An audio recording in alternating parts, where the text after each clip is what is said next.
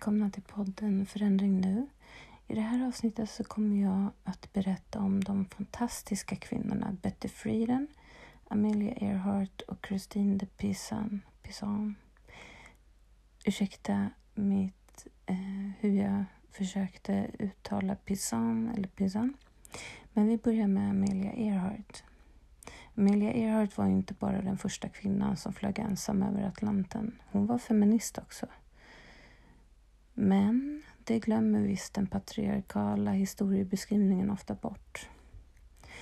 Amelia Mary Earhart föddes den 24 juli 1897 i Atchison, Kansas i USA.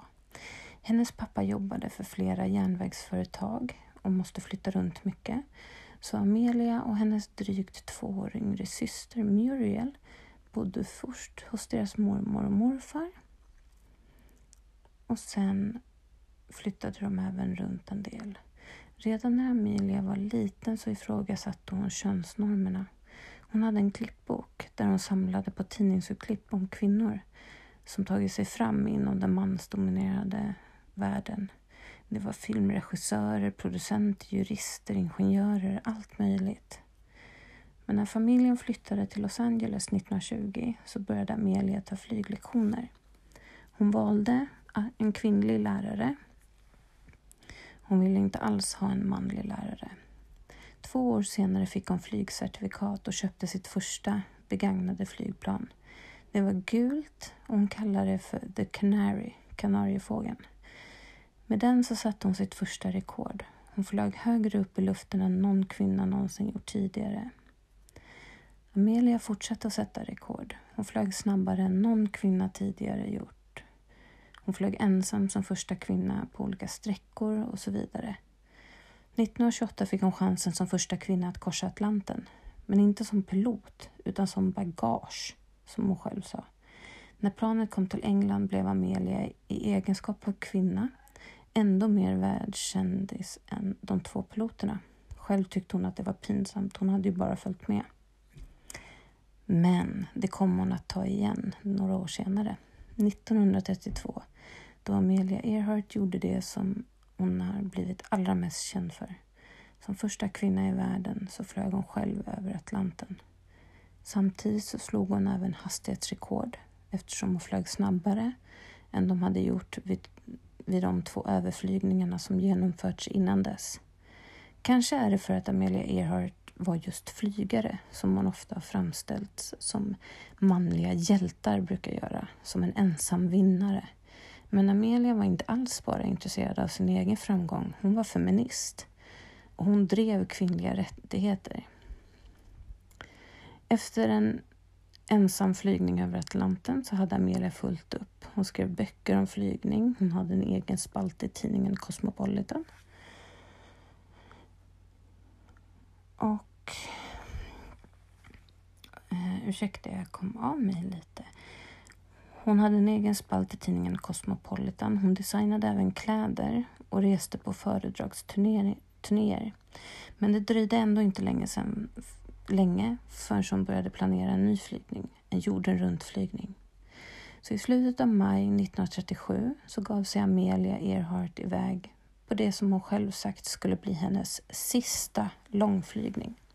Hon hade bestämt sig för att flyga den längsta vägen runt jorden så att hon skulle kunna slå två rekord. Första kvinna och längsta flygning.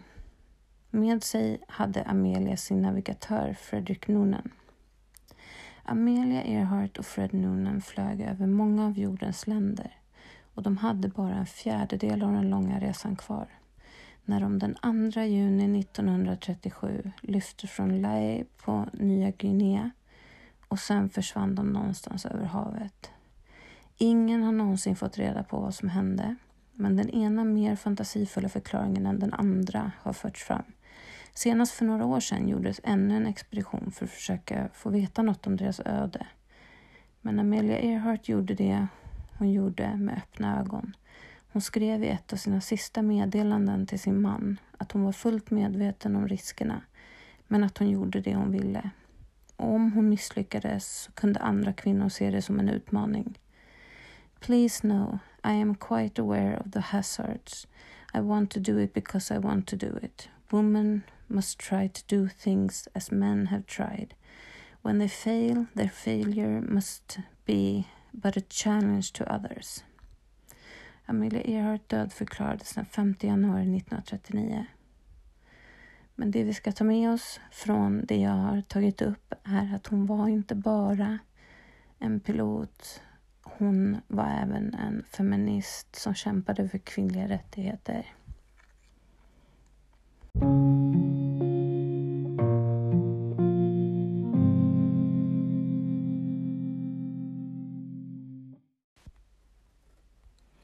Och nu tänkte jag berätta om Christine de Pizan eh, Kristin. Hon är född den 11 september 1364 i Venedig och hon dog runt 1430. Hon var poet och författare och hon är den första feministen är hon känd som. Hon kallades de Pisan och hon var då en fransk filosof och författare. Hon brukar räknas som den första feministen och den första kvinnliga författaren som försörjde sig på sitt skrivande. Hon är mest känd för boken Kvinnostaden. Kristin var dotter till Tommaso som var läkare och hovastrolog. Han hade många kontakter och blev på så vis anställd hos eh, kung Karl V av Frankrike. Fyra år efter Kristin hade fötts detta gjorde att Kristin tillbringade sitt liv från fyra års ålder i Frankrike. Kristin fick tillgång till kung Karl Vs arkiv, vilket gjorde att hon blev förtrogen med en mängd litteratur och fick en sällsynt omfattande utbildning. Hennes pappa och kungens lärare lärde henne att skriva och tala italienska, franska och latin. Och när hon var 15 år gammal så gifte hon sig med den tio år äldre Etienne de Castel det här var runt 1380.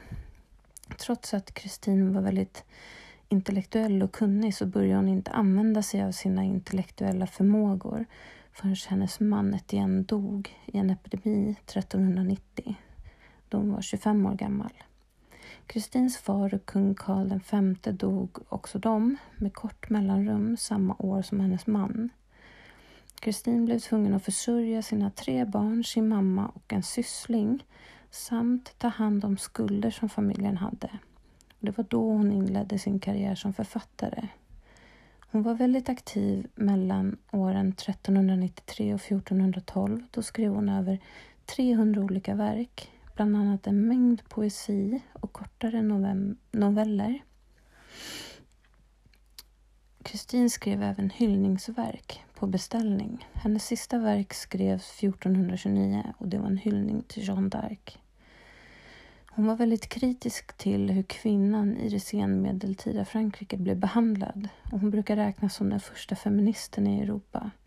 Hon strävade efter att lära andra kvinnor att stå upp mot sin samtids kvinnohat. Bland hennes anhängare fanns framförallt det mycket inflytelserika Jean Gerson men också Ludvig av Orléans, Philippe den av Bourgogne, Johan den orädde och Isabella av Bayern. Kristin var däremot inte feminist i dagens svenska användning av ordet. I hennes bok Kvinnostaden förmedlar hon en bild där båda könen av sin natur besitter olika benägenheter för olika sysslor, där de tillsammans behövs för att hushållet ska fungera. Det här är en ganska traditionell bild av hur hennes samtid tyckte att könen borde förhålla sig till varandra. Synsättet till att inte gränsöverskridande, det vill säga att en person av ett visst kön inte kan göra det den vill utan att bryta mot någon norm. Det som gör att Kristin betraktas som den första feministen, det är att hon i egenskap av kvinnlig författare vågade ge sig in i den manligt dominerade offentliga debatten. Bland hennes motståndare fanns flera ur den bildade kultureliten i tidens Frankrike. Kristin deltog bland annat i den omtalade fejden om rosen. Det är en debatt om Roman de la Rose, vilket var ett av dåtidens mest hyllade verk. Boken Kvinnostaden skrev hon bland annat som ett svar på bland annat Matthäulius av Jehan de Fer, eh, en av flera öppet kvinnohatande texter från senare delen av 1300-talet. Kvinnohatarnas åsikt var att kvinnan inte gör någonting bra och bara är orsak till problem. Och hennes svar var att kvinnans del av helheten är lika viktig och bör värderas lika viktigt som mannens. I kvinnostaden argumenterar hon med Gud och skriver Skapade du inte själv kvinnan och gav henne alla de egenskaper som det behagade dig att hon skulle ha? Hur skulle det vara möjligt att du kunde misslyckas? Det här är en väldigt kort beskrivning av den här kvinnan och det går ju självklart att läsa mer om henne. Men hon är med i avsnittet eftersom hon ses som den första feministen i Europa. Och nu tänkte jag berätta om Betty Friedan.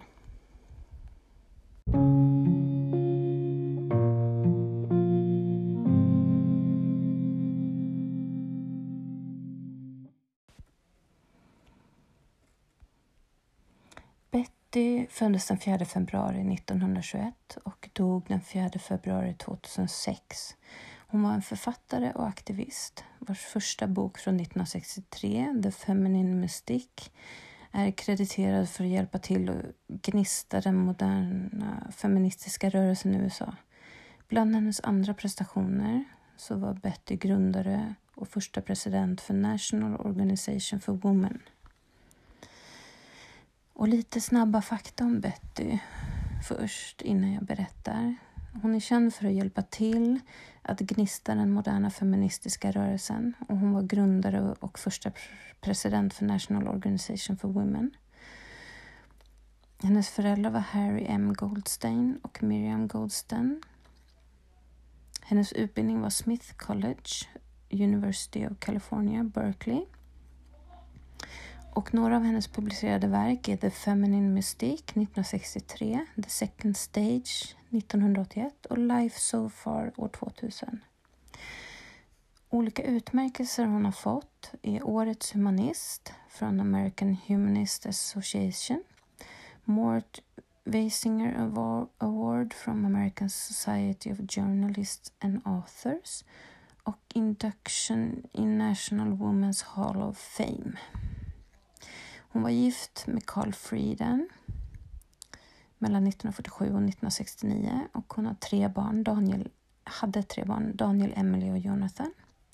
Ett anmärkningsvärt citat från henne är En kvinna är handikappad av sitt kön och handikappar samhället antingen genom att slaviskt kopiera mönstret för människans framsteg i yrkena eller genom att alls inte vägra att konkurrera med mannen.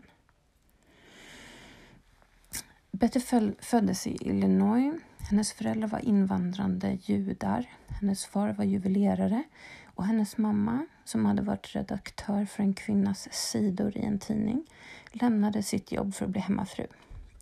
Bettys mamma var olycklig med det valet och hon pressade Betty att få en högskoleutbildning och bedriva en karriär.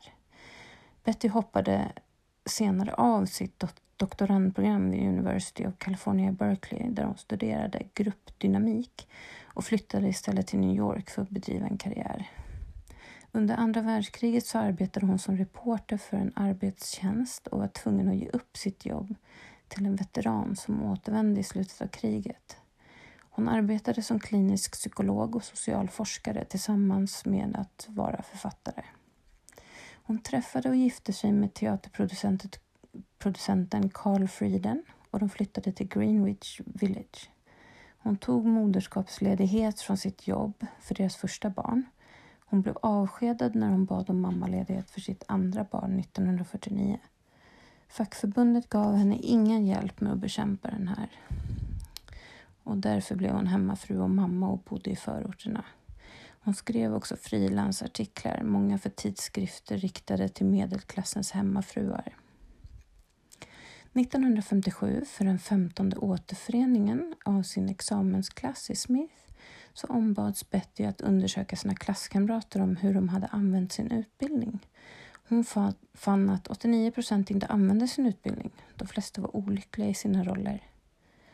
Betty analyserade resultaten och rådfrågade experter. Hon fann att både kvinnor och män var fångade i begränsade roller Betty skrev upp sina resultat och försökte sälja artikeln till tidningar men hon kunde inte hitta någon som ville köpa. Så hon förvandlade sitt arbete till en bok som publicerades 1963 som The Feminine Mystique. Det blev en bästsäljare, så småningom översatt till 13 språk. Freedom blev också en kändis som resultat av boken. Hon flyttade med sin familj tillbaka till stan och hon blev involverad i den växande kvinnorörelsen. I juni 1966 deltog hon i ett Washingtonmöte med statliga kommissioner om kvinnans status.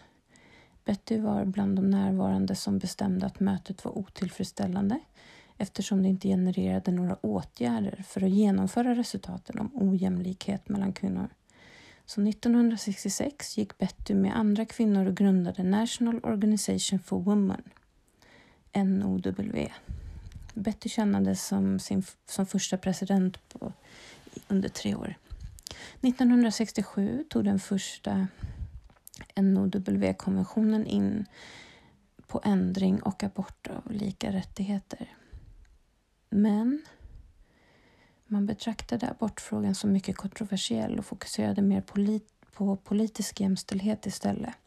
1969 hjälpte Betty grundanden, grundandet av den nationella konferensen för upphävande av abortlagar för att fokusera mer på abortfrågan.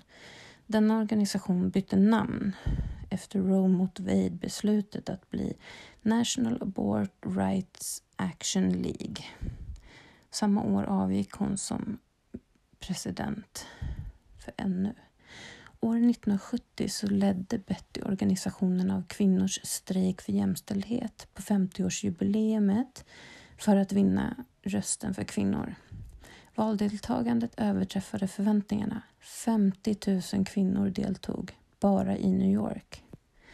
1971 hjälpte Betty till att bilda National Women's Political Caucus for, Feminist, för feminister som vill arbeta genom den traditionella politiska strukturen.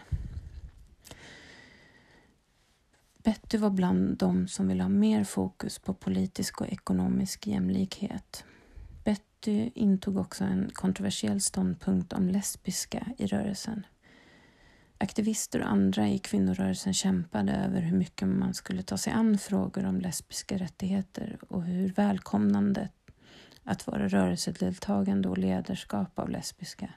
För Betty var lesbianism inte en kvinnas, kvinnors rättigheter eller jämställdhetsfråga utan en fråga om privatliv. Och hon varnade för att frågan skulle kunna minska stödet för kvinnors rättigheter med termen lavendelhot 1976 publicerade Frieden It changed my life med sina tankar om kvinnorörelsen. Hon uppmanade rörelsen att undvika att agera på sätt som gjorde det svårt för vanliga män och kvinnor att identifiera sig med feminism. Vid 1980-talet var hon mer kritisk till fokus på sexuell politik bland feminister. Hon publicerade Den andra scenen 1981. I sin bok från 1963 så skrev Betty om den feminis, feminin, femina mystiken och hemmafruns fråga i detta allt. Nu skrev Betty om den feministiska mystiken och svårigheterna att försöka vara en superwoman, göra allt. Hon kritiserades av många feminister för att överge den feministiska kritiken av traditionella kvinnoroller medan Betty krediterade uppkomsten av Reagan och högerkonservatismen och olika neandertalskrafter till feminismens misslyckande. 1983 började Betty fokusera på att undersöka uppfyllandet under de äldre åren och publicerade 1993 sina resultat som The Fountain of Age Bettys skrifter From the Feminine Mystic till Beyond Gender kritiserades också för att representera synpunkterna för vita medelklassiga utbildade kvinnor och för att ignorera andra kvinnors röster. Hon undervisade också och föreläste vid högskolor och skrev för många tidskrifter. Trots allt hennes senare arbete och aktivism så var det den feminina mystiken som verkligen lanserade den andra vågen av den feministiska rörelsen. Den har sålt flera miljoner exemplar och översatts till flera språk. Det är en nyckeltext i kvinnokunskap och amerikanska historiekurser. Idén som Betty uttrycker är att om kvinnor flydde från gränserna för traditionella uppfattningar om kvinnlighet så skulle de verkligen kunna njuta av att vara kvinnor. Och med det så avslutar jag detta avsnitt av podden Förändring nu. Så hörs vi av i nästa avsnitt. Sköt om er. Hej!